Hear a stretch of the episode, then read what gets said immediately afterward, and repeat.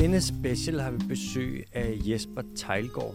Han er metrolog, og man kender ham måske fra øh, TV-avisen, hvor han har været på øh, han har været tv-metrolog fra år 1990 til og med 2018. Og vi snakker om klima. Hvad er det for en størrelse, hvor det her meget komplekse, store system? Så snakker vi om klimakrisen. Hvorfor har vi sådan en? Hvad er drivhusgasser? Hvad er drivhusgaseffekten? Og hvordan skal vi egentlig gå frem her, hvis vi gerne vil snakke om den her klimakrise på en anden måde, og måske også, hvis vi vil løse den. Velkommen til den dyriske tips podcast special i dag med besøg af Jesper Tejlgaard. Velkommen til, Jesper. Tak skal du have. Du er øh, metrolog. Mm-hmm. Du har været tv-metrolog på TV-avisen fra 1990 til 2018. Ja. Og så er du forfatter, og du er foredragsholder, og der er sikkert en masse flere ting på det CV, men vi kan ikke nå at ramse mere op. Ej, men jeg synes også, det er fint. Ja. Det, er, det, det tegner et meget godt billede. Godt. Og vi skal snakke, i dag skal vi snakke klima, først og fremmest. Spændende. Vi skal snakke klimakrise, og så skal vi have nogle basics ud. Hvad er det her for en størrelse? Hvorfor opfører klimakrisen sig sådan, som den gør? Og måske også, hvad kan man gøre ved sådan en?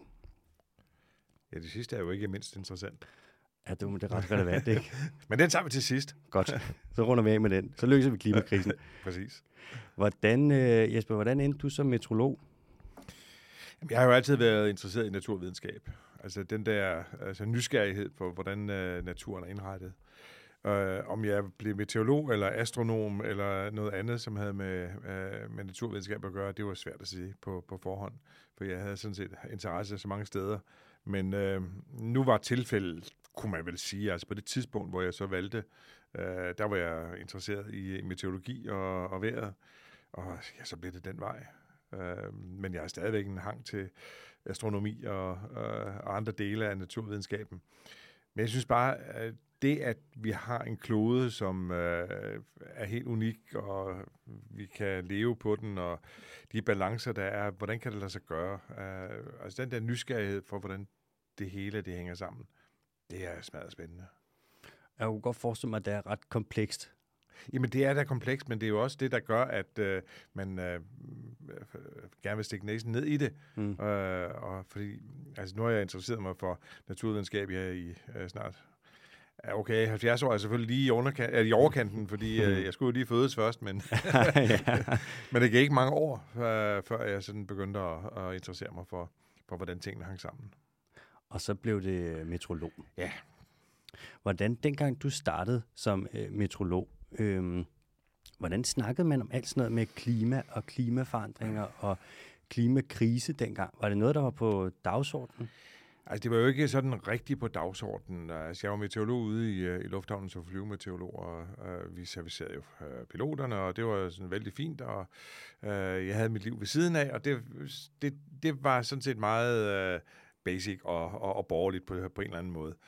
Men, øh, men jeg kan huske øh, der omkring øh, sidst 80'erne, øh, altså jeg blev færdiguddannet i 78, og så gik der jo så nogle år øh, derop gennem 80'erne, hvor vi havde nogle meget kolde vintre, øh, men hvor vi så læste, at øh, hollænderne, de øh, begyndte at udbygge digerne, fordi de var bange for den globale opvarmning. Og der kiggede vi, kan jeg huske, sådan lidt på hinanden, okay, altså vi snakkede lige om, det var meget koldt, og at vi var med en ny istid, og sådan, altså, det var sådan den diskussion, der var dengang, vi tænkte, de er skøre, de hollændere. Men øh, det var de så ikke, de øh, var lidt forudseende.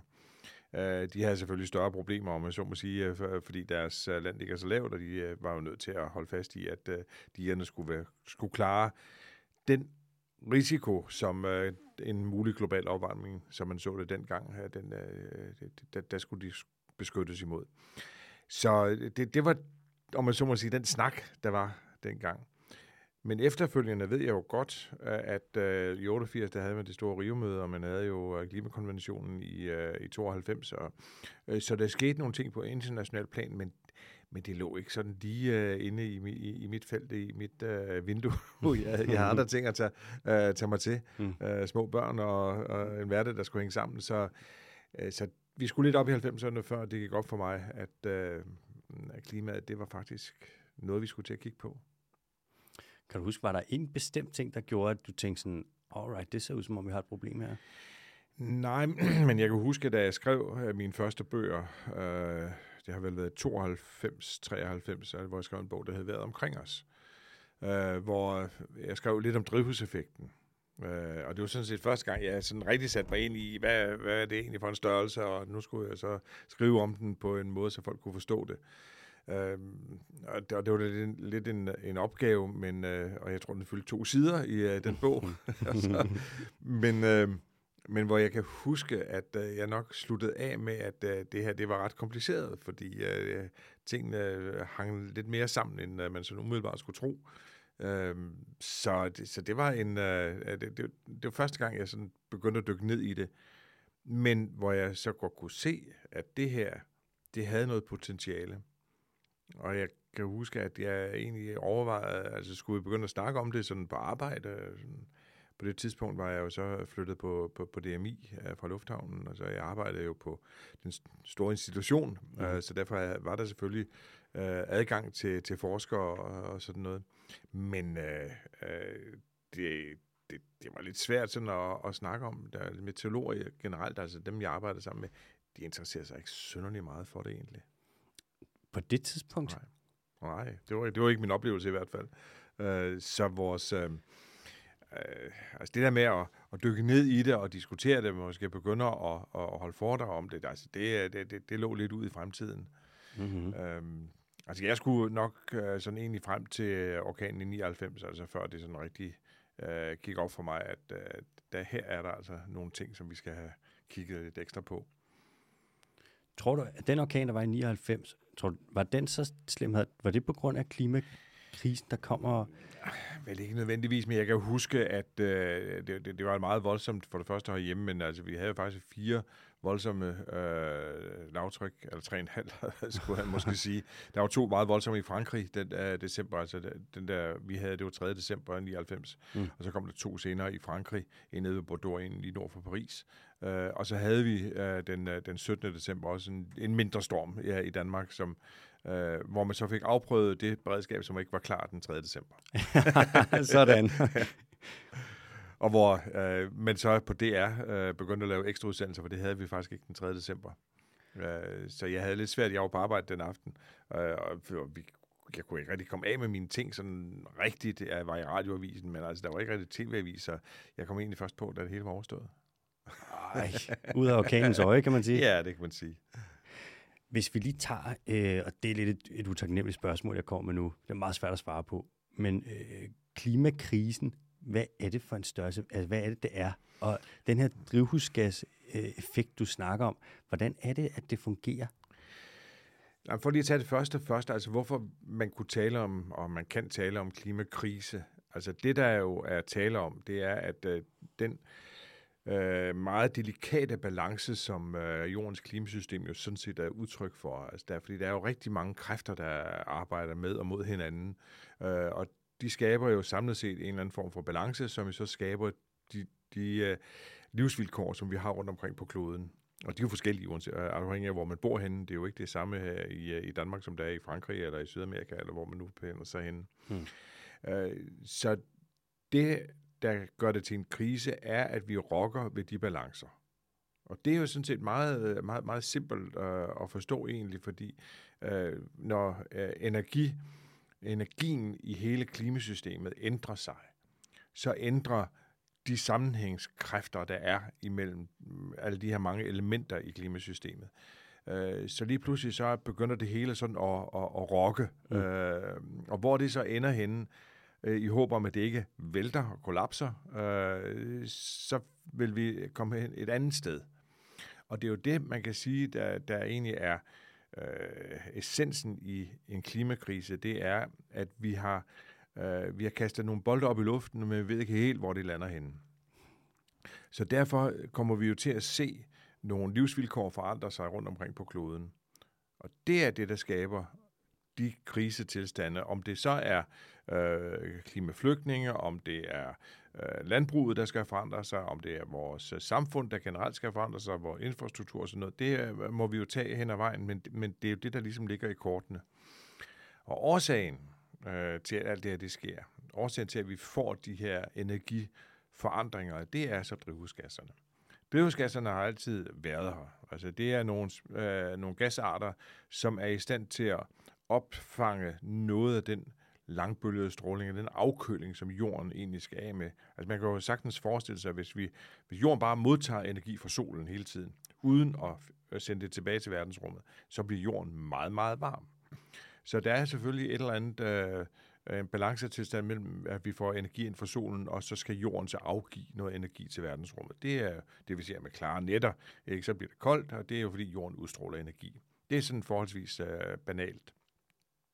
Men det, der jo så ligger i atmosfæren, det er de her drivhusgasser, som jo er CO2, det er metan, øh, vanddamp ikke mindst, øh, lattergasser, altså som, øh, som øh, vel de fire vigtigste. De er i stand til at optage noget, eller opsnappe noget af den her stråling, som jorden udsender. De beholder ikke den energi, men sender den faktisk videre i alle mulige retninger, herunder altså noget tilbage mod jorden. Så på den måde kommer noget af den energi, som jorden egentlig skulle af med, kommer tilbage til jorden fuldstændig som en dyne, du tager på om natten, øh, holder på varmen. Der er noget energi, som forsvinder, og ellers bliver det alt for varmt ned under dynen, men den, øh, den dyne holder på noget af energien. Og uden drivhusgasserne, så ville temperaturen være cirka 30 grader lavere, end den rent faktisk er. Så alene på den balancetilstand, som øh, vi har i det skal vi sige, gamle klima, så er temperaturen 30 grader højere på grund af drivhusgasserne. Det, der så sker, det er så, at vi sender flere drivhusgasser ud ved vores adfærd, ved vores forbrænding af, af kul, olie, gas, træ, øh, så sender vi jo CO2 ud i atmosfæren, fordi der ligger kulstof gemt i de her øh, fossile brændsler, som vi kalder dem. Øh, og når kulstof går i forbindelse med ilt i for, forbindelse med forbrænding, så øh, dannes der CO2. CO2 er jo sådan set bare en molekyle, der består af et kulstofatom og to iltatomer. Øh, Øh, men det er jo struktureret på en sådan måde, at det er, øh, det kan, atomerne kan bevæge sig i forhold til hinanden. Og det er det, der adskiller drivhusgasserne øh, fra, skal vi sige, stabile gasser, som ikke er drivhusgasser. For eksempel almindelig ilt. Den ilt, som vi indånder, det er jo det, vi kalder O2. Altså, det er jo øh, to iltatomer, der er hægtet sammen i det, man kemisk set kalder en dobbeltbinding. øh, så de er meget stabile. Ja, nu bliver det lidt nørdet. Det bliver lidt teknisk. Øh, ja. men, øh, men de er meget stabile i forhold til hinanden, og er ikke som sådan drivhusgasser. Drivhusgasser, det, de, er, øh, de har lidt svagere bindinger, kan du kalde det, i forhold til hinanden. Så mm. de kan sådan ro, øh, rokere lidt, eller de lidt vibrere wobbly. lidt. Ja, ja. det mm. kan de. Uh, og det er det, de gør, når de optager den her stråling fra jorden og sender den videre. Øh, så hvis man synes, det her det er lidt nørdet og lidt svært at forstå, så skal man bare tænke drivhusgasserne som en dyne hen over jorden. Det er jo til at forstå. Det er sådan øh, et godt billede at have. De fleste har prøvet sådan en. Ja, ja, og det vi så bare øh, gør lige i øjeblikket, det er, at vi udskifter øh, den øh, vattæppet, som vi havde tidligere, med en ædertunsdyne, så den bliver mere effektiv. og så får du altså global opvarmning. Ja, det gør det. Så bliver der mere energi i klimasystemet, simpelthen. Det, du siger med energi, det er også, solen den giver noget energi til jorden. Ja. Og så er det meningen, at jorden så i form af varme skal afgive noget af den her energi. Mm. Og så er det så der, hvor man kan se, at jorden simpelthen, i og med, at der ikke bliver afgivet den her varme, så akkumulerer den mere energi. Så vores planet bliver simpelthen på en eller anden måde bare sådan, ja, som du siger, energibalance bliver skævvredet, fordi der kommer mere energi, end hvad vores klima kan holde til, hvis det skal være stabilt på en eller anden måde. Jamen altså på en eller anden måde kan du jo sige, at øh, den energi, der kommer ind, skal være øh, lige med den energi, der går ud. Altså sådan nærmest. Ikke? Ja. For at der er balance. Og der kan vi så se på målinger fra den ydre atmosfære, at øh, der er faktisk et, øh, et overskud, der bliver inde i jordens klimasystem på det, der hedder så omkring 1,8 watt per kvadratmeter. Mm. Det er meget. Det er rigtig meget. Okay. Og det er altså i, øh, i det, der så medfører den her disruption eller forandring af vores øh, klimasystem, det er, at klimasystemet bliver sat ud af balance. Det er ret imponerende, at vi kan gøre det som art, synes jeg. Ja, men vi har også brugt et par hundrede år på det. Men øh, ja, ja altså vi har, vi, vi har lagt grundstenen, da vi, øh, skal vi sige, begyndte at, at afbrænde kul øh, tilbage i 1700-tallet. Øh, især altså fandt dampmaskinen og fandt ud af, at den her billige energi, der, den kunne bruges til en masse gode ting. Ja. Øh, økonomisk vækst osv. Og, øh, og man kan sige heldigvis for det, altså vi, vi har jo nyt godt af det med øh, altså forbedrede levevilkår og så videre, og alt øh, respekt for det. Mm.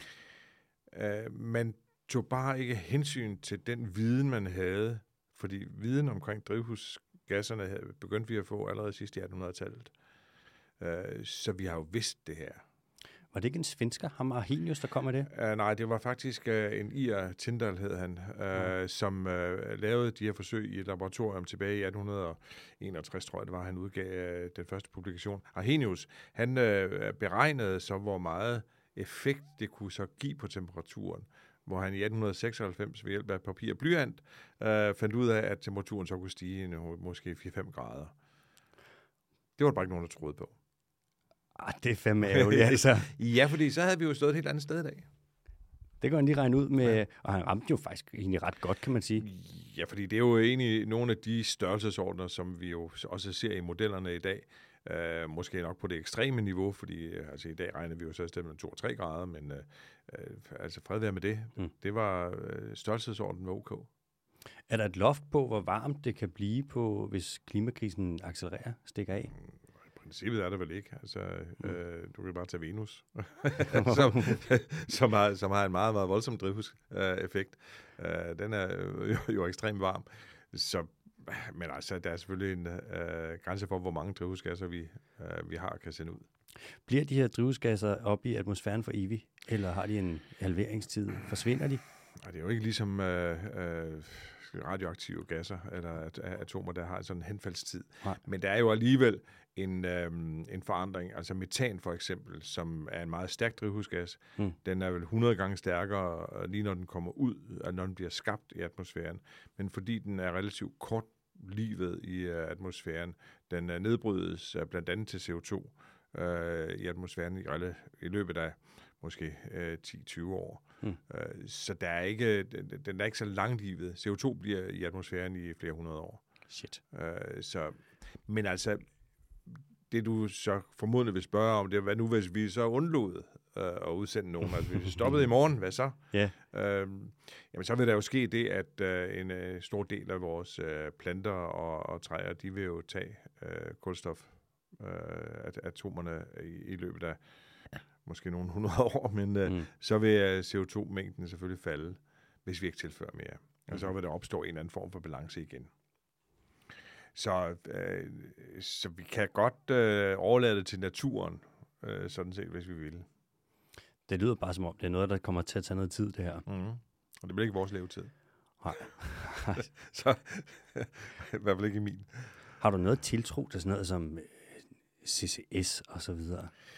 Ja, altså CCS er jo, øh, altså Carbon Capture and Storage mm. er jo en... Øh, teknologi, som øh, jo har været kendt i, i mange år. Øh, altså man kan jo filtrere CO2 ud af røggasserne. Ja, det har man vidst i, i mange år, at, at den mulighed var der. Det koster en del energi at gøre det, men altså, når man så har den, så kan du putte den tilbage i jorden. Mm. Øhm, og man kan gøre det i tilstrækkeligt omfang, der skal jo virkelig meget til. Øh, men man kan jo godt forestille sig, at nogle af de meget øh, CO2-tunge øh, virksomheder, de vil kunne gøre det med en vis form for succes, øh, så de bliver mindre klimabelastende. Men det er jo ikke noget, øh, altså som jeg ser det, så er det ikke noget, der har et potentiale sådan, øh, i rigtig stor skala. Forstået på den måde øh, at, at trække CO2 ud af atmosfæren, som vi sådan set også godt kan.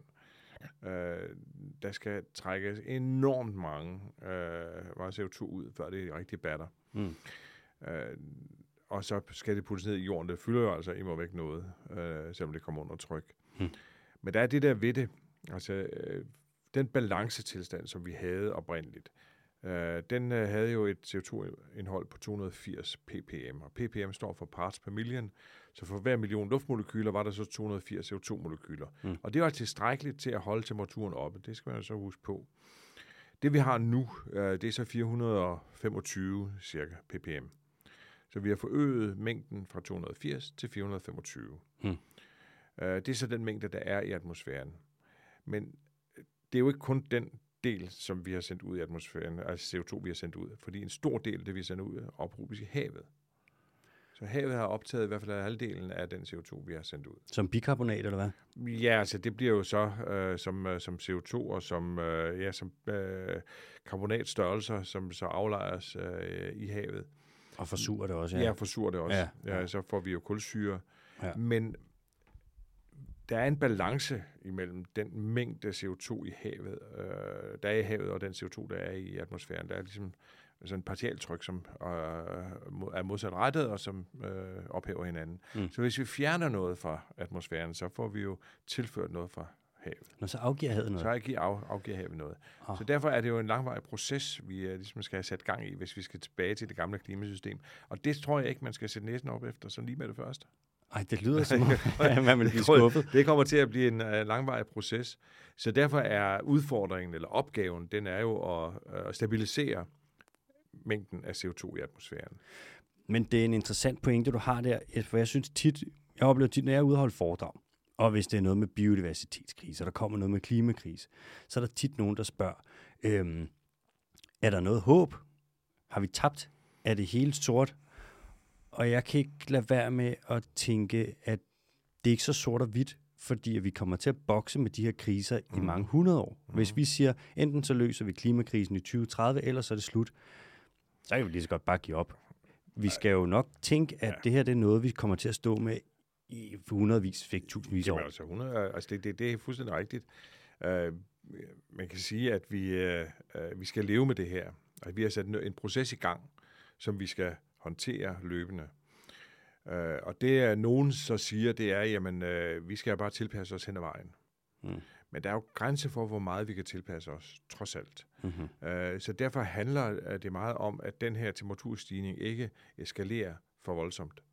Derfor har sat man jo et mål i Paris-aftalen på halvanden grader, som det mest optimale, men altså i hvert fald øh, to grader, det burde vi nok kunne håndtere. Mm. Og de der to grader, det er jo, øh, det er jo et tal, som har figureret i øh, rigtig mange år. Altså den øh, gamle Stern-rapport, Nicola Stern, en, øh, en engelsk politiker, som lagde navn til den, øh, eller forsker var han vist, øh, han omtalte også to grader. Øh, så det er jo et tal, der sådan har figureret øh, ud fra en eller anden tanke om, nå jamen, det kan vi nok håndtere. Der skal man så se det her i situationstegn. Det kan vi nok håndtere. Mm-hmm. For det ved man selvfølgelig ikke. Vi kender jo ikke konsekvenserne re- øh, reelt af, hvad, hvad sker der egentlig med to grader. Vi har nogle fornemmelser, vi har nogle beregninger, vi har en idé om det, men vi ved jo rent faktisk ikke, hvordan klimaet det reagerer på det her. Og jeg synes, det er meget interessant, øh, det der er, er sket i år. Altså den, øh, øh, den sommer, vi har været igennem, øh, som har været fuldstændig vanvittig, øh, når man sådan ser globalt på det. Og hvis jeg lige skal give den øh, en lille historie med på vejen. Ja. Øh, vi har haft tre år med jeg ved ikke, om vi kommer til at snakke om uh, Enzo, altså klima, uh, La Nina og, og El Niño-systemet, ah, men, ja, men lad os, uh, lad os da holde på den del, fordi den er meget vigtig i den her sammenhæng. I Stillehavet, mellem Peru og Indonesien, uh, der blæser normalt en uh, sydøstpassat, mm. altså en uh, ret stabil uh, vind. Okay. Den uh, skubber varmt overfladevand uh, over til Indonesien, og så er der så koldere vand ved Peru. Mm. Det er sådan uh, ret, uh, ret simpelt. Men med sådan års mellemrum, øh, mellem to og syv år. Altså det, kan, det, det varierer meget. Men altså der, med års mellemrum, så sker der det, at den her passatvind den svækkes, øh, og så bliver det lige pludselig varmere øh, vand i, øh, i, i Stillehavet, og det er så det, vi kalder El Niño. Der kommer simpelthen varmere vand op til overfladen. Men vi har også perioder, hvor det så er det kolde vand, der dominerer. Det kaldes så La Niña. Okay, så, mm. så langt så godt. Basics, ja. Ja. Nu har vi så haft tre år med La Niña, mm. altså den kolde udgave. Ja. Og det har holdt temperaturen nede globalt, fordi det, man skal være opmærksom på, at det, det her system øh, har faktisk konsekvenser globalt set på, på den globale temperatur. Uh, hvor mærkeligt det måske kan lyde, at uh, sådan et iso- relativt isoleret system, at det faktisk påvirker uh, den globale temperatur. Men det gør det altså. Det må mm. man så uh, acceptere. ja. uh, så nu har det holdt temperaturen nede i tre år. Så forsvandt den her La Nina uh, her sidste vinter. Og det vil sige, så bevægede vi os sådan gradvist hen imod en normal tilstand. Det vi kalder en neutral tilstand. Mm. Det betød så, at øh, den der afkøling forsvandt. Øh, og det betød så, at temperaturen lige pludselig begyndte at stige i verdenshavene. Det kunne vi se øh, i april måned. Øh, der cirkulerede der nogle øh, opgørelser for havtemperaturerne globalt, øh, hvor den lige pludselig steg dramatisk. Øh, ud fra en hvad var forventning eller forklaringen, at der nu er den linje overstået, så nu havde vi så øh, den her nye balancetilstand, altså normaltilstand, det var bare meget varmere end det, vi har været vant til i tre år, mm. fordi det holdt temperaturen nede. Så nu er vi sådan, øh, og nu er vi så på vej imod en ny El Niño, som faktisk er ved at etablere sig nu. Den er ikke fuldt ud udviklet, men den er ved at etablere sig. Mm. Og det gør, at temperaturen stiger endnu mere. Så det, vi ser i år, er faktisk en, øh, en ny, at vi set billeder af en ny normaltilstand, som er væsentligt varmere end det, vi har set de foregående år. Øh, så lige pludselig så er den globale temperatur, som vi jo hidtil sådan har set, når den temperatur nok steget med 1,1-1,2 grader i forhold til 1850, sådan vores referenceniveau. Nu er vi så lige op på måske 1,3-1,4, øh, og det er jo et dramatisk spring i forhold til, at så nærmer vi os 1,5, som er prisaftalen. Jeg skulle lige til at sige, var det ikke målet? Jo. Uh, ikke overskride det, ja. Uh, og vi, man forventer jo også, at vi overskrider uh, måske allerede næste år, men hvor den så skulle falde igen, fordi altså, den der påvirkning fra El Niño er selvfølgelig begrænset. begrænset, og det er jo et naturligt fænomen, så der falder den måske nok tilbage igen. Vi har bare set, og det er så mine, mine pointer, det er jo, at øh, efter den seneste kraftige linje, som var i 16, 2016, der faldt temperaturen faktisk ikke ret meget. Øh, så der er ligesom en tendens til, at, øh, at al den energi, som øh, El Niño-systemet det tilfører atmosfæren, det forsvinder ikke rigtig igen. Ah. Altså, går vi tilbage til 98, så var den forrige kraftige El Niño, der, der faldt vi faktisk tilbage. Øh, så det er ligesom, der er sket et eller andet undervejs. Så den der stabiliseringseffekt, der kommer ja. efter, ja. det er som om, at den er lidt taget af. Ja, ja den er taget af, og, og det ligger så på et højere niveau i hvert fald. Kan det så være fordi, at jorden bare er blevet dårligere til at afgive den varme, der ligesom... Ja, ja jamen altså, hvor skal varmen gå hen? Ja. Altså, hvor, hvor, hvor bliver energien af? Altså, energi forsvinder jo ikke. Nej. Øh, energi er der, øh, og det bliver brugt. Mm-hmm.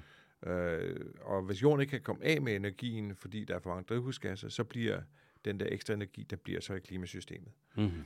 Det kan så bruges til smeltning af is. Den kan bruges til fordampning, øh, så der kommer mere vand i atmosfæren. Den kan bruges til utrolig mange ting, altså skabe hedebølger, øh, som vi har set i år også, altså fordi vi har haft nogle gigantiske hedebølger kloden over. Altså der har været sådan fire varmepuder i USA, og i Middelhavsregionen og Indien og Østasien.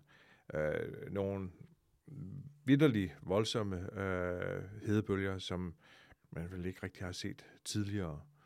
Øh, det kan godt være, at, vi, øh, at man kan finde nogle data tilbage. Altså i 30'erne var der jo ret varmt i, i USA, men det var blandt andet, fordi man havde den der dust bowl, altså hvor man havde øh, faktisk ødelagt prærien, fordi man havde øh, pløjet, og man havde, altså det er det naturlige øh, vækst, det ved du som biolog, at mm. øh, øh hvis, man, hvis man ændrer på øh, øh, på væksterne, jamen så har det selvfølgelig en konsekvens. Det er klart. Øh, og, og jordbrug, jorden øh, sørger simpelthen ud, så det gjorde, at temperaturen steg. Det er en anden historie, men øh, her i år har vi bare set, at øh, det har været en eller anden form for disruption i vores, øh, vores klimasystem. Og en eller anden tendens til, at øh, vejret ikke skifter så meget. Og det er en anden del af det, vi har kunnet se i de senere år. Og det er meget betegnende, synes jeg, at der sker så meget lige i de her år. Altså, det er ligesom om, at vi har nået en eller anden øh, balance øh, tilstand, hvor, det, hvor tingene skifter. Øh, altså det her med, at, øh, at vores... Øh, hvad var det nu, jeg egentlig var ved at sige? Jeg tror, vi snakker lidt mere tipping points og den ja, her helt ja, det, skøre det, juli. Det er, ja. det, det, det er der, vi er på vej hen af. Men vi havde en eller anden pointe. Nå, det kan du altid klippe ud, hvis du synes, du skal med. vi har så, nu er jeg jo ikke meteorolog, og når jeg sidder og kigger på sådan noget med klima og vejret, så jeg kunne ikke være med den her juli og sådan bide mærke i, det er ekstremt mange ting, der også falder sammen på samme tid. Både det med den nordatlantiske temperaturen i Nordatlanten, som er virkelig ja, høj. Ja. Så ud for Florida, hvad målte de? 38,1 eller andet grader, ja. halvanden meter nede. Det er altså jacuzzi-varme. Jamen, det er vildt. Øh, og så øh, and, øh, isdækket på Antarktis er jo ret småt i forhold til, hvad det plejer at være. Der smelter ekstremt ja. meget der. Ja. Øh, man, lige, man skal bare huske på, altså, øh, for det er rigtigt, at ismængden omkring Antarktis er meget, meget lav ja. i øjeblikket. Den er, og den burde selvfølgelig være høj øh, i betragtning af, at uh, det har været vinter dernede. Mm. Men det er en anden side af sagen. Uh, men den er meget afhængig af de vindforhold, der eksisterer uh, omkring Antarktis. Øh, og når de ændrer sig, så kan det have ret stor påvirkning på, øh, øh på ismængden. Mm. Øh, så der, der må vi lige sådan holde tungen lige i munden og, og sige, er det her noget, der er varende? Altså er det noget, der fortsætter? Mm. Eller er det sådan øh, en, en eller anden form for tilfældigt system? Det, det må vi se. Ja. Men uh, temperaturen i havet er selvfølgelig også blevet væsentligt varmere uh, omkring Antarktis, så derfor er der jo en afsmeltning, også fra selve Antarktis.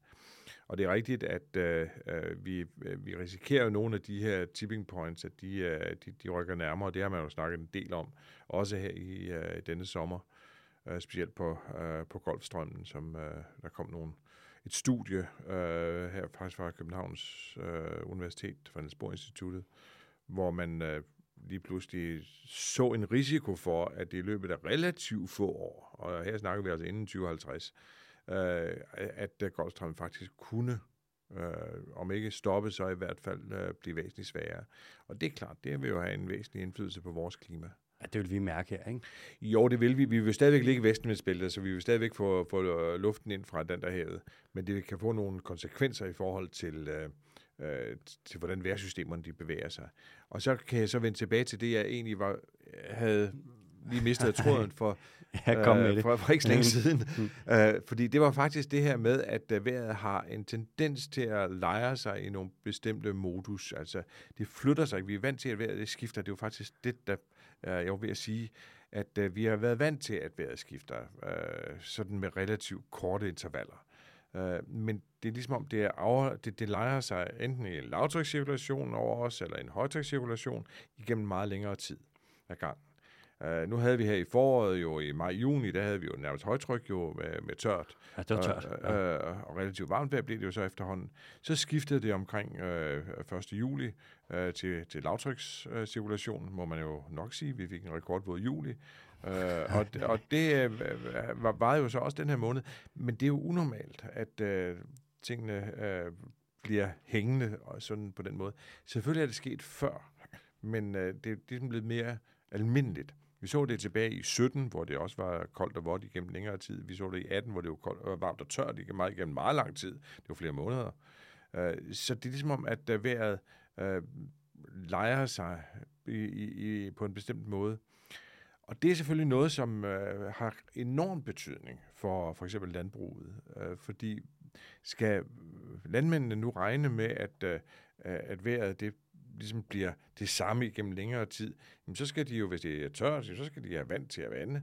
Uh, hvis det er vådt, jamen så skal de jo have en anden, så skal de have afgrøder, som kan holde til det her vand. Mm. Uh, så er det de rigtige afgrøder, der, uh, der bliver brugt i, uh, i dag, uh, skal de til at skifte? Altså, hvordan skal håndterer vi den her ændring af vores nedbør?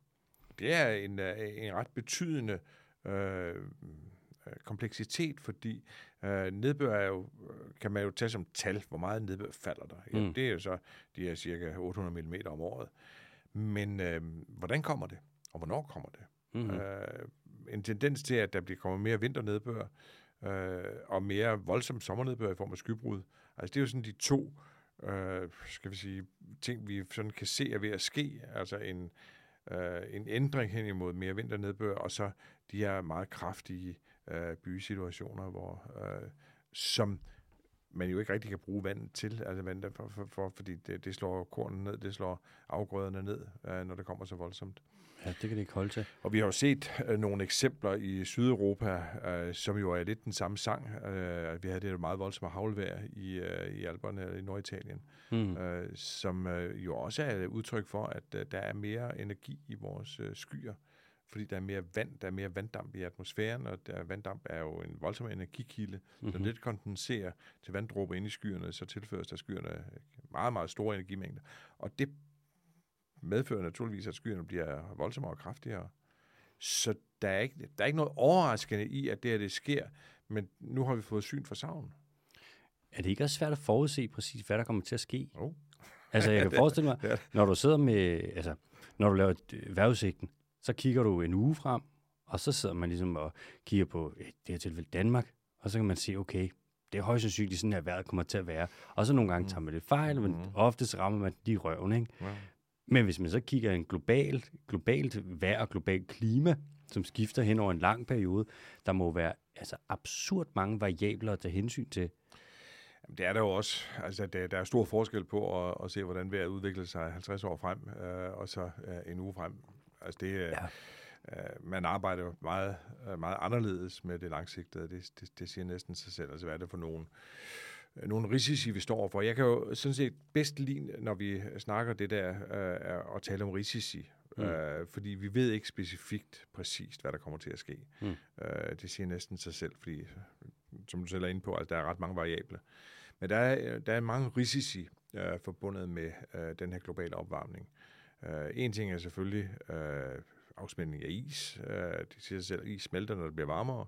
Mm. Øh, og vand udvider sig, når det bliver varmere, så havet det stiger. Mm. Øh, det er jo nogle øh, risici, som vi er nødt til at tage ind, uanset hvor vi bor henne, fordi øh, øh, vores, der er mange store byer, der ligger ved kysten, så vi skal jo, vi skal jo beskytte os. Det er klart. Øh, det gælder ikke kun herhjemme, det gælder jo overalt på kloden. Øh, vi skal beskytte os øh, selvfølgelig øh, også for de storme, der kommer. Bliver de kraftigere? Måske. Ja, havstrømmene var vi lidt inde på, altså øh, der kan ske noget der. Øh, hvad, hvad sker der med vores skove?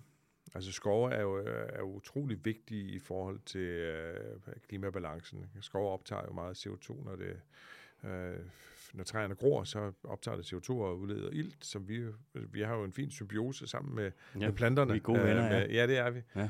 Øh, så når vi så ser i Canada, at øh, øh, hvad er det, fire gange Danmarks størrelse, der efterhånden er brændt derovre, øh, så ændrer det jo øh, også skovene øh, i det område. Når man øh, har fældet i øh, Amazonas, som man har gjort øh, meget i de senere år under den tidligere præsident dernede, så ændrer det jo øh, også regnskovens øh, systemer. Regnskoven er, har jo sit eget klimasystem, øh, altså opretholder egentlig selv den cirkulation, den cirkulation, der skal være. Mm-hmm. Men øh, når man laver så mange huller i regnskoven, som man har gjort, så risikerer man jo, at det her system, det bryder sammen. Ja. Det er også sådan en form for, øh, for tipping point. Mm-hmm. Så vores, øh, vores balancer rundt omkring øh, på vores klode er, er ret udsat i øjeblikket. Kan man sige nu, der er jo det der med, at kloden overordnet set, så bliver den varmere. Ja. Men det er som om, at klimakrisen lidt, den har mange forskellige konsekvenser, alt efter hvor man er. Mm. Nogle steder så bliver det mere tørt. Ja. Nogle steder så bliver det mere vådt. Nogle steder bliver det måske mere koldt. Altså, hvordan kan det være, at det ikke bare er det samme over det hele? Jamen, det har jo, for det første har det noget at gøre med, at øh, kloden den er jo ikke ensartet. Det er jo ikke en ensartet kugle. Mm. Der er meget vand øh, nogle steder, og der er meget land andre steder. Altså, nordlige halvkugle, den har mest, øh, mest land. Øh, den sydlige halvkugle har mest vand. Mm. Men overordnet set, så er der 70 procent øh, øh, vand. vand, og så øh, 30 procent land, sådan ungefær. Mm. Um, det er den ene del af det. Den anden del, det er, at jorden roterer om sin egen akse, øh, og det gør, at øh, hvis man nu forestiller sig ekvator, at solen den står og varmer der, så vil luften dernede stige til værs. Og den, den opvarmede luft kommer så op i atmosfæren, hvor den så breder sig øh, mod nord og mod syd. Og hvis bare tager det, øh, den nordlige halvkugle, så breder den sig øh, mod nord, og hvis jorden ikke roterede, så vil den øh, luft egentlig søge op mod Nordpolen, hvor den så vil synke ned, og så søge tilbage mod ekvator i sådan en kæmpe stor cirkulation. Mm-hmm. Øh, men i og med, at jorden roterer, så bliver den cirkulation brudt op, og det er derfor, vi har det der subtropiske højtryksområde omkring 30 grader nord, øh, og lavtryksområderne omkring 60 grader nord, hvor vi bor. Det er sådan set fordi, øh, at den der cirkulation, den brydes op i forskellige mindre cirkulationer, mm. som, øh, som så egentlig er en stor del af vores klimasystem. Og netop omkring 30 grader nord, der øh, har vi jo så det tørre øh, og solrige område. Det er jo derfor, vi tager sydpå. Øh, ja, Costa del Sol. Ja, ja. Altså, ja. når vi skal på ferie, så har det traditionen ved, at vi tager derned, fordi der er det som regel varmt og tørt. Øh, det ændrer sig jo en smule i den forstand, at det her højtryksområde, det nærmest bevæger sig nordpå, så det bevæger sig nærmest fra Sahara, som jo er skabt på grund af den der tørhed. Det bevæger sig nordpå op omkring Middelhavsregionen. Så Middelhavsregionen tør ud for mindre og mindre nedbør. Øh, og med alt det vand, store vandforbrug, man har dernede, så får man efterhånden et, øh, et vandproblem. Øh, og noget af alt det vand, der så fordamper dernede fra, fordi temperaturen stiger, øh, det, det, det vand kommer så op i atmosfæren og driver så med de atmosfæriske strømninger, for eksempel op til os. Så får vi mere nedbør. Det er jo så heller ikke overraskende. Mm. Øh, men det kan vi jo se på tallene, at øh, vi får mere og mere nedbør. Så, og, og en del af det kommer jo som skybrud. Øh, så, altså, tingene hænger jo fint sammen med alt det, vi ser. Øh, med opvarmning, med forandringer i vores øh, nedbørssystemer, med tørre områder, våde områder, øh, hedebølger, kuldeområder, fordi det, man også skal huske på, det er jo, at øh, vi har jo stadigvæk noget kold luft, der ligger øh, mod nord op mod, mod Nordpolen. Og med de her forandrede de strømninger, så kan de der kuldeområder, de kan jo søge langt mod syd. Og det ser vi jo nogle gange. Vi så det i Texas øh, her sidste vinter, at de fik jo voldsom kulde på et tidspunkt, øh, hvor de ikke plejer at have det. Men det er jo også en del af den her, øh, skal vi sige, forandring af vores øh, klimasystem. Det er altså komplekse sager, der. Ja, det er det. Men det er, det er jo sjovt, og det er spændende at dykke ned i, hvis det bare ikke var, fordi det havde så store konsekvenser. Jeg kan godt forestille mig, at det var spændende at følge. Det er det. Hvordan, øhm, for os i Danmark, så det bliver vådere her, hvad, ja. ellers, hvad, hvad kan vi egentlig forvente? Altså en, øhm, øh, et varmere klima her øh, vil jo selvfølgelig ud, hvad skal man sige, udligne en del af de forskelle, vi har hen over året. Øh, årstiderne bliver måske knap så distinkte. Altså vinteren har vi jo allerede set, at den er jo øh, ikke, hvad den var engang. Mm. Øh, vinterbilleder, det er noget, vi ser på malerier eller gamle fotos eller postkort. Ja, det er ikke løg. Ja. Nu er det bare sharp. Det er sharp, og, og de uh, kuldeperioder der, de er meget kortvarige. Ja. Det er sådan det, vi har set.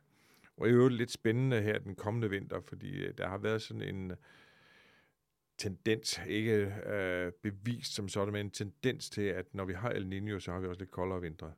Så, okay. så det, bliver, det bliver lidt spændende, om vinteren så bliver koldt på den konto herhjemme. Men nu Atlanter, Nordatlanten er super varm. Ja, men det er jo også det, der så gør, at det, det måske ikke kommer til at passe i år. Og så de lige udligner? Ja, altså det, det, det kan godt være, at vi får så meget varme fra den der havet. Altså, og, og den der varme fra den der havet påvirker jo også uh, atmosfærens strømninger. Uh, så, så det er jo en... Uh, uh, hvad, var, hvad, hvad kommer til at vægte mest? Altså, hvad trækker mest? Uh, det, bliver, det bliver super spændende at, at, at følge i de, i de kommende måneder. Men altså, øh, vintrene bliver, bliver, bliver mildere og mere våde.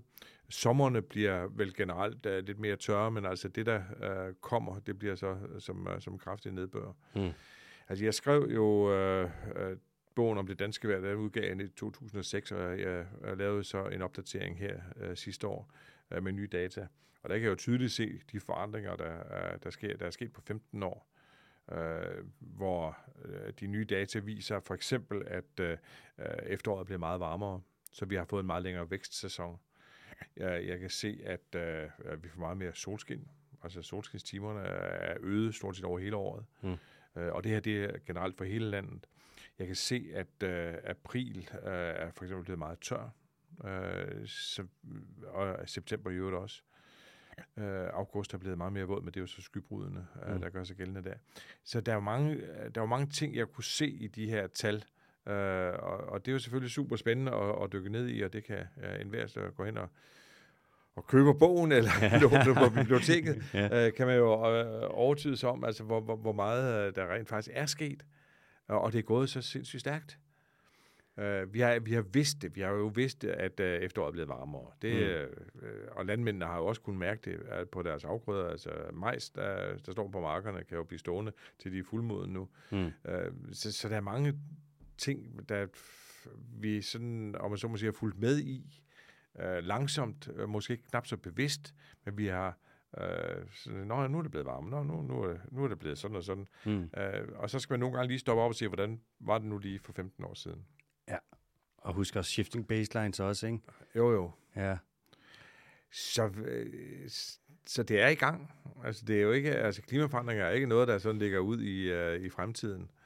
Uh, det er jo den fejl, vi lavede i uh, 2008, ni stykker op til klimatopmødet i København. Det var alle snakket om. Var det COP15 der? Ja, COP15. Ja, uh, katastrofe. Ja, men alle talte om, hvad der sker i år 2100, sidste det århundrede. Ja. Det kunne folk jo ikke forholde sig til. Nej, det er for abstrakt. Ja, det var meget abstrakt. Spildt chance der. Ja. ja. Det kan være, det er derfor, Lars Løkke faldt i søvn. Ja, øh, jeg tror...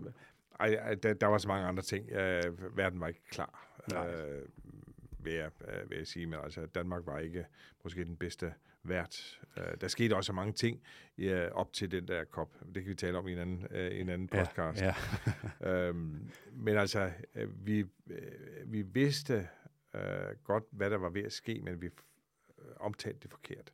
Mm. Øh, det har vi så lært af. Øh, så, øh, og nu kan vi jo bare åbne øjnene. Det sagde jeg nu øvrigt allerede dengang. Altså prøv lige at åbne øjnene og se, hvad der sker omkring jer. Mm. Øh, fordi det var jo i gang. Øh, også dengang.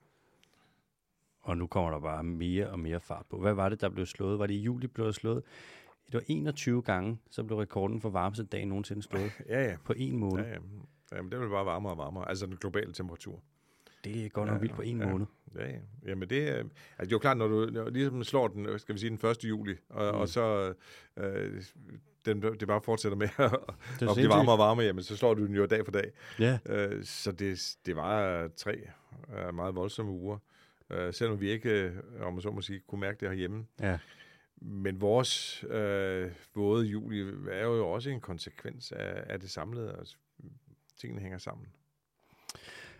Hvordan, Jesper, i forhold til sådan noget med klimaskeptikere, det her, det er jo noget, jeg forestiller mig, at du støder på en del af dem. Jo. Og støder du på... Det ja, der er jo mange, der har en mening, som lige pludselig er eksperter på klima. Der er jo mange, der kan sidde, og så er det en våd juli, og så sidder de og fryser deres ja, sommerhus, ja, ja. og så siger de, hvordan kan du så sige, det er den varmeste dag ja, nogensinde? Ja. Hvad, øhm, der kommer flere af dem, gør der ikke? Eller kommer de bare, råber de bare højere? Ja Altså, det kan godt være, der kommer flere, men, øh, men de råber meget højt. Ja. Øh, og forsøger selvfølgelig også at få indflydelse på, på den store agenda. Men altså, de er heldigvis en relativt få. Mm. Øh, så øh, jeg tror, der er så meget fornuft, trods alt i vores øh, politiske system, at øh, de kan gennemskue, øh, hvad det handler om. Mm.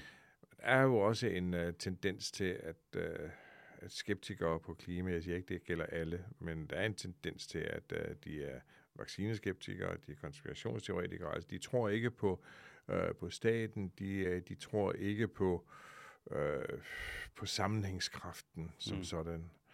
Uh, vi kan jo se det i USA, altså hvor uh, voldsomt det er derovre.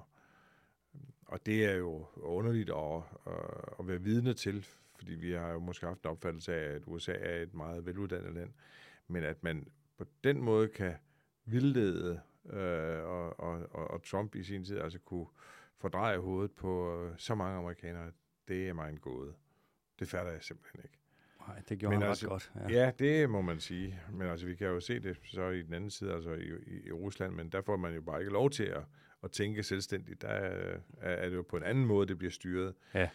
Men der er en, øh, der er en tendens, der er en bekymrende tendens øh, i øjeblikket til, at der er en, øh, en højere drejning, altså øh, over imod sådan det meget nationalistiske. Øh, vi ser det i Spanien øh, på øh, det parti, som godt nok gik tilbage, men så er meget højorienteret, øh, at de jeg tror ikke på, på klimaproblematikken. Det er trods for, at øh, Spanien jo i den grad er udsat. Mm. Øhm, er der kraftig tørke der? Ja, ja, der, ja. der er tørke og, og hedebølger og vandproblemer og sådan noget, men, men der er andre øh, ting, man ligesom vil fokusere på. Øh, økonomi, øh, vækst, øh, arbejdspladser osv. Og, og selvfølgelig skal vi have arbejdspladser, men vi skal måske finde ud af at skabe de arbejdspladser i, øh, i mere bæredygtige øh, produktionsområder. Det vil måske være meget smart i hvert fald, hvis vi skulle investere i, i fremtiden. Ja, fordi det kan vi jo selvfølgelig godt lige vende. Altså, det, det, det er jo fremtiden, vi, vi snakker om. Altså, klimaet er jo et spørgsmål om, øh, hvordan skal vores børn og børnebørn leve? Mm. Hvad er det for nogle forhold, vi giver dem? Øh, og som det ser ud lige nu, så bliver det i hvert fald mere besværlige forhold, end det vi har været vant til. For at sige det mildt, ja. Øh, altså, jeg er jo vokset op, øh, jeg er født i 55, og, og er vokset op som ja, lidt efterkrigsbarn øh, i den økonomiske udvikling, der var der, og den stabilitet, der jo var på trods af det, vi kaldte den kolde krig, altså så havde vi jo stabilitet. Vi, øh, vi vidste, hvordan verden hang sammen, og der var ikke sådan de store øh, problemer egentlig. Mm. Vi skulle have en uddannelse og så videre, job, og så, så det kørte bare derud af. Mm. Men det har forandret sig betydeligt. Øh, altså verden er ikke øh, stabil. Altså den er geopolitisk selvfølgelig meget ustabil i øjeblikket. Vi, har en øh, øh, forandringer i hele vores øh, øh, handelssystem. Øh, hvor løber pengene hen? Altså har vi krigen i Ukraine, altså, som jo sætter en, øh, øh, altså nogle tanker i gang om, omkring nogle store og, og voldsomme forandringer. Mm. Og så har vi selvfølgelig øh, naturen, som er i den grad udsat. Du kender det selv for biodiversitetsproblematikken. Mm. Jeg kender det for klimaproblematikken. Øh, så der er altså vidderligt nogle meget voldsomme ting, som jeg synes, øh, vi skal vide meget mere om øh, og undervise meget mere i. Fordi vi kan godt håndtere rigtig meget, og Danmark er et... Øh, et godt sted at være i den her sammenhæng, fordi vi er et stabilt samfund, vi har gode uddannelser, vi har gode øh, folk, vi har en god økonomi. Altså, der er nogen... Øh, der er en form for tryghed ved at leve i Danmark. Mm-hmm. Så vores, øh, vores muligheder, de er i hvert fald langt bedre end så mange andres. Men vi skal passe på, at vi ikke lader dem løbe os af hende øh, ved at være for sent ude. Øh, jeg, jeg, jeg synes, man sidder lidt for meget på hænderne. Øh, også i regeringen. Så ikke, der sker vanvittigt meget. Jeg ved godt, de snakker meget om vindmølleparker og så videre, og så videre. Men jeg synes, så, så kommer der nogen den ene dag, så bliver det skrottet den næste dag, og det er sådan lidt, uh, lidt svært at, Ja, det er lidt gratis billet. Og, og, og, og finde ud af, ja. Så jeg synes, uh, jeg, jeg er glad for, at uh, mine børnebørn, de uh, bor her. Mm-hmm. Uh, jeg tror, at uh, Danmark og måske uh, Skandinavien i det hele taget, faktisk bliver et af de, de, de steder, der bliver, der bliver gode at, at befinde sig i. Sydpå øh, får vi jo nogle meget, meget store risici, øh, når øh, Sydeuropa tør mere ud. Altså, hvordan gør det, hvordan, hvad gør man med landbruget? Hvad gør man med arbejdspladser? Mm-hmm. Øh, flygtningestrømme fra Afrika. Altså, det, det, er, det, det ser sådan lidt voldsomt ud, når man sådan kigger ja. i krystalkuglen vi har muligheder for at gøre noget. Vi har mulighed for at rette op på nogle af tingene. Vi har mulighed for at hjælpe, øh, også i Afrika, øh, med, med, med, med vand og, og sørge for, at deres øh, landbrug måske kan, kan håndteres. De skal bare selv ville, og, den, og, og de der konflikter, der er, skal man, øh, de, de, de, skal, øh, de skal væk.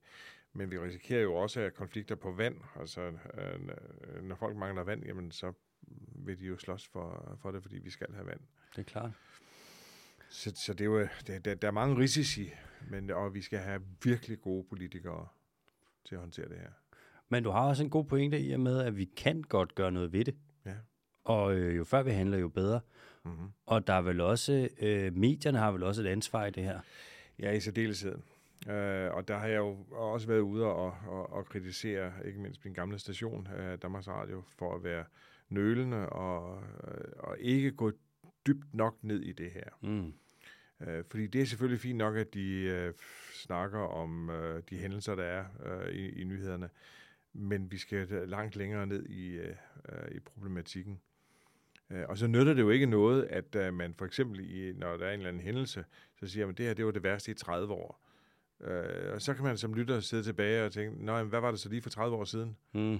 Altså, det, man må ikke komme med den slags udtalelser, uden at komme med en eller anden form for begrundelse, eller hvor kom det tal fra? Hvad, hvad skete der lige der? Er det fordi, vi ikke har data længere tilbage? Uh, hvad det jo typisk er. Mm. Men det, det fremgår jo ikke af teksten. Mm-hmm. Så man skaber meget mere forvirring. Uh, og det er jo sådan set bare et eksempel på, at uh, journalisterne, de uh, enten har for travlt, uh, eller ikke er dygtige nok. Og jeg tror mere på det første, fordi de journalister, jeg kender, de er sindssygt dygtige, mm. men de er også presset øh, på tid, og der er deadlines, der hele tiden skal overholdes. Jeg tror også, det kan være et svært område at formidle om tit, fordi at mange folk øh, lukker en lille smule ned, ikke vil, ikke har lyst til at høre om det. Føler også lidt, de føler sig magtesløse, når de hører det. Det er ekstremt vigtigt, mm. at man snakker om det. Ja. Men det er også sådan, øh, og det er vigtigt, at man snakker om det, selvom man ikke nødvendigvis gider. Men jeg tror, at nogen er sådan, nej, de gider simpelthen ikke. Nej, men det er da fuldstændig rigtigt. Det, det er altså, upopulært. Det er, der er der mange, der, der står af på det. Og, og et eller andet kan jeg selvfølgelig godt forstå, at, øh, at det er svært at overkomme og overskue, øh, fordi det er voldsomt. Øh, og det griber ind i vores, øh, vores liv, vores samfund, og, vi, vi, og det vil vi ikke. Men det kommer jo. Altså, øh, det, er, det er det med at stikke hovedet i busken. Øh, eller tisse i bukserne, eller hvad, hvad for ordvalg skal vi bruge? Øh, altså, når vi, øh, når vi tager hovedet ud af busken, jamen, så er problemerne jo ikke løst. Nej. Så, øh, så det handler meget om bevidsthed. Og det er jo derfor, jeg også sagde til det er der øh, i deadline her, at øh, det er folkeoplysning, vi skal have. Mm. Selvfølgelig ikke kun i Danmark, det skal helst være globalt, men altså, vi må fejre vores, vores egen dør. Og så må medierne øh, selvfølgelig være på forkant med det her øh, og oplyse. Det er mediernes fremmeste opgave, det er at oplyse. Øh, så de har en opgave. De har en opgave foran ja. os.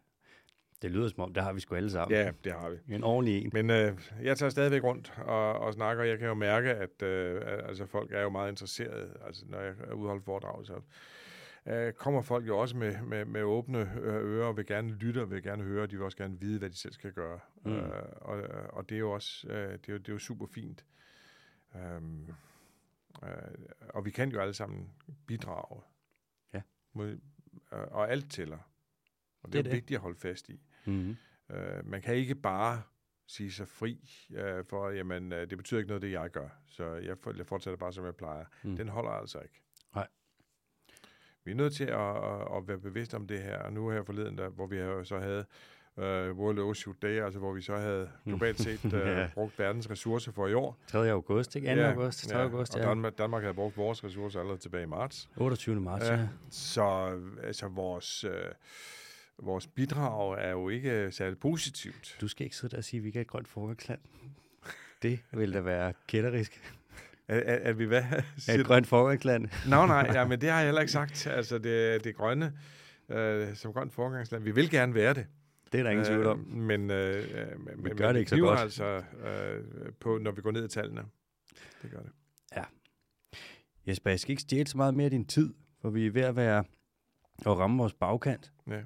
Men jeg har et sidste spørgsmål, som jeg gerne vil stille dig. Hvor øh, tjekker du vejret hen? Og det gør jeg faktisk mange steder, men jeg har nogle øh, øh, modelberegninger, som er, er frit tilgængelige. Den bruger jeg. Det er på det, der hedder vettercentrale.de. Okay, en øh, tysk side. En tysk side, ja. Der ligger to modeller. Der ligger faktisk tre modeller globale. Den øh, europæiske, den, den amerikanske og den kanadiske. Øh, og dem, øh, dem bruger jeg. Øh, de der apps, mm. altså, jamen jeg ser dem der, øh, men jeg ved, og jeg kender også øh, fejlkilderne. Ja. så jeg skal, jeg, jeg skal ind og kigge, øh, hvad er, hvordan er, er vejrsituationen. Øh, er det tit, du lige tjekker en app, og så kigger og, sådan, og så selv går ind og tjekker, og så kan se, ah, de ramte sgu ved siden af? Ja, altså, øh, jeg har det sådan lidt med, med, med, med de der apps, at øh, det, der egentlig passer bedst, det er nok egentlig temperaturen. Mm. Øh, skyerne, de, øh, det er sådan lidt 50-50 nedbør. Det, der skal man altid huske, at det er jo akkumuleret nedbør nogle gange. Det er hen over en time. Og, altså, der er så mange fejlgilder. Folk skal jo forstå, hvad pokker det er, at de viser. Så, øh, så nej, jeg, øh, jeg tjekker vejret på gode gammeldags vejrkort egentlig. Sådan. Fedt. Jesper, du skal have tusind tak, fordi du vil være med. Velkommen.